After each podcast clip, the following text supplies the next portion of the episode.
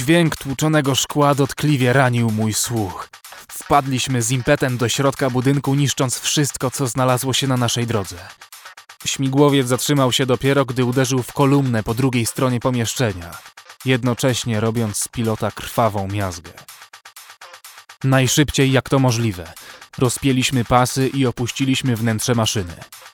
Odbezpieczyliśmy karabiny szturmowe i zaczęliśmy rozglądać się po nieznanym pomieszczeniu, którym mogliśmy zostać łatwo zaskoczeni przez przeciwników.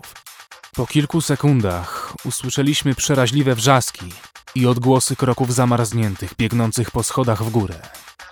W ostatniej chwili uniknąłem ataku mężczyzny, który skoczył w moją stronę z wraku śmigłowca.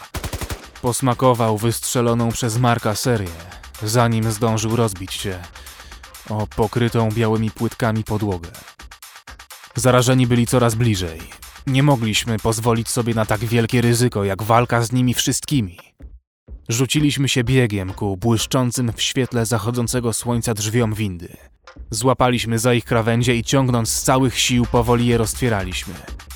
Adrenalina coraz bardziej przyspieszała nasze działanie, kiedy słyszeliśmy zbliżających się zamarzniętych. Pojedyncze jednostki były już na naszym piętrze. Wreszcie udało się. Szpara była na tyle duża, byśmy mogli przez nią wejść do szybu i złapać się umieszczonej po drugiej jego stronie metalowej drabiny. Marek wszedł pierwszy. Wciskając się do środka, odbezpieczyłem granat, który rzuciłem ku rosnącej fali przeciwników. Szybko zaczęliśmy schodzić na dół. Wybuch, który miał zaraz nastąpić, mógł dać nam góra pół minuty spokoju. Zamarznięci nie byli na tyle inteligentni, by zacząć nas gonić po drabinie, ale stanowiliby wystarczająco duże zagrożenie, gdyby zaczęli wpadać do szybu i w nas uderzać. Na samym dole znajdowała się zerwana winda. Do środka dostaliśmy się przez klapę w jej suficie.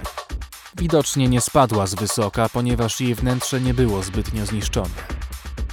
Ponownie zabraliśmy się za roztwieranie tych cholernych drzwi. Tym razem stawiały mniejszy opór. Jednak przesuwaliśmy je powoli, nie chcąc robić hałasu.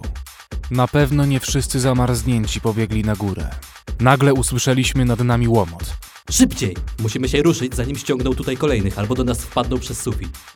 Wyskoczyliśmy ze środka i niemalże od razu rozpoczęliśmy czystkę. Kule śmigały w powietrzu, przebijając się przez warstwy szronu i skostniałe ciała.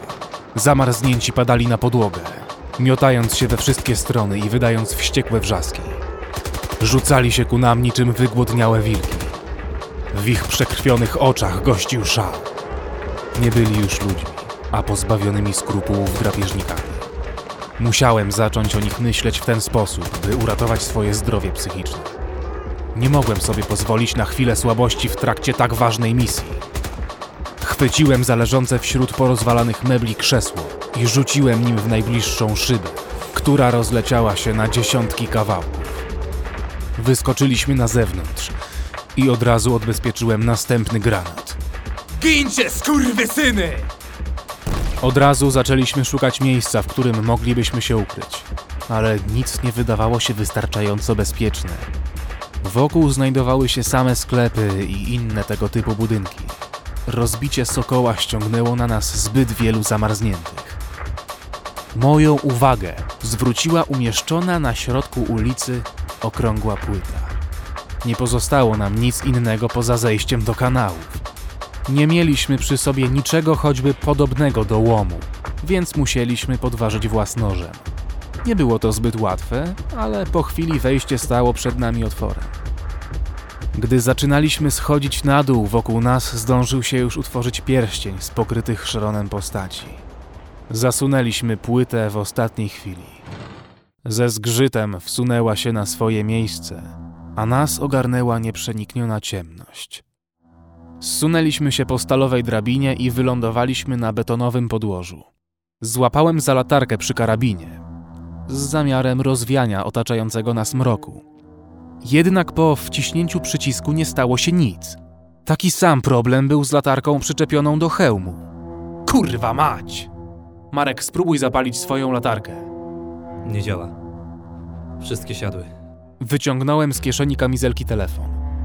Ekran nie zaświecił się nawet po dłuższym przytrzymaniu przycisku blokady. Zawsze będzie można się gdzieś zabarykadować i wezwać pomoc, co nie? Widocznie nie tylko helikopter nam zwariował, ale wszystko, co ma jakikolwiek związek z prądem. I co? Teraz będziesz mnie za to obwiniał. Nie. Po prostu ci uświadamiam, że się myliłeś. To jaki plan masz teraz? Nagle rozbłysło czerwone światło. Marek trzymał w dłoni racę i uśmiechał się szeroko. Szukamy bezpiecznego wyjścia. Później nie dajemy się zabić i kontynuujemy misję.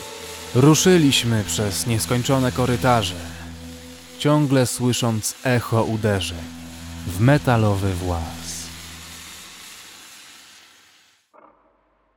Wciąż zastanawia mnie, jak dokładnie wylądowałaś w tej piwnicy. Nie zauważyłaś, jak ten typ coś ci dosypuje? Wykorzystał moment, kiedy wyszłam do łazienki. I nikt inny nie zwrócił na to uwagi? Widocznie nie. Przyszłam na imprezę sama. Jedna koleżanka ze stacji pojechała na weekend do domu, a druga wolała zostać i leżeć przed telewizorem. Hm, ciekawe, czy jeszcze żyje. Niczego nie podejrzewałam, bo siedziałam przy samym barze. Byłam pewna, że barman ma na wszystko oko. Dalszej historii możesz się domyślić, bo ja sama niczego dokładnie nie pamiętam. Ale teraz ty mi powiedz, jak tam trafiłeś?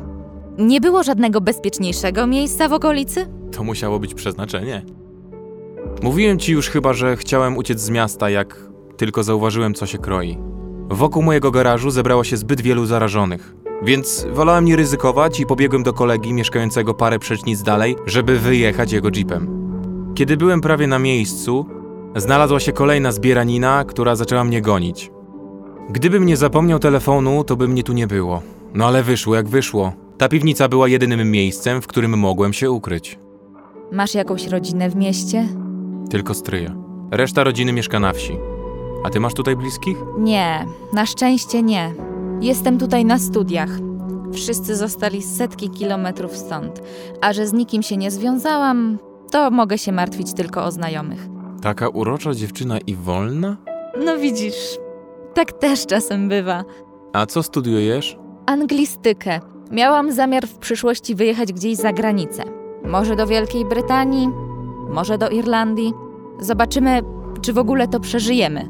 A tak w ogóle, to skąd masz tę całą broń? Wyrobiłem sobie pozwolenie i najzwyczajniej w świecie kupiłem. Na bezpieczeństwo nigdy nie było mi szkoda pieniędzy. I jak widać, przydało się. Ale żeby aż tak się zbroić? Jasne, w tej chwili to zrozumiałe. Tylko przecież na co dzień nie ma takich zagrożeń. Skąd się u ciebie wziął taki pomysł? Wszystko zapoczątkował dziadek, który robił mi za opiekuna, gdy rodzice mieli dużo pracy. Opowiadał mi o wojnie i wszystkich towarzyszących jej okropieństwach. Jako dzieciak nasiąkałem tym jako gąbka. Lęk przed konfliktami zbrojnymi rósł razem ze mną. Bałem się zasypiać, mając wrażenie, że następnego dnia już nie otworzę oczu. A rodzice nawet nie mieli pojęcia, gdzie ten strach miał swoje źródło. To straszne. Może i tak, ale to głównie dzięki temu zacząłem nad sobą pracować. Jeżeli nadeszłaby wojna, ja chciałem przetrwać. Gdyby nie to, teraz bym był martwy. I ja pewnie też. Nawet ci jeszcze za to wszystko nie podziękowałam. Podziękujesz, kiedy będziemy bezpieczni. Poniosłem się i poszedłem do drzwi. Miałem wrażenie, że minęło wystarczająco dużo czasu, by zarażeni sobie poszli. Jako, że niczego nie zobaczyłem przez dziurkę od klucza, szybko szarpnąłem za klamkę, aby sprawdzić, czy będzie jakaś reakcja z drugiej strony. Wtedy usłyszałem dźwięki przewracanych mebli i warczenie zarażonych. Wróciłem na swoje miejsce. Chyba jeszcze trochę tutaj posiedzimy. Jesteś głodna?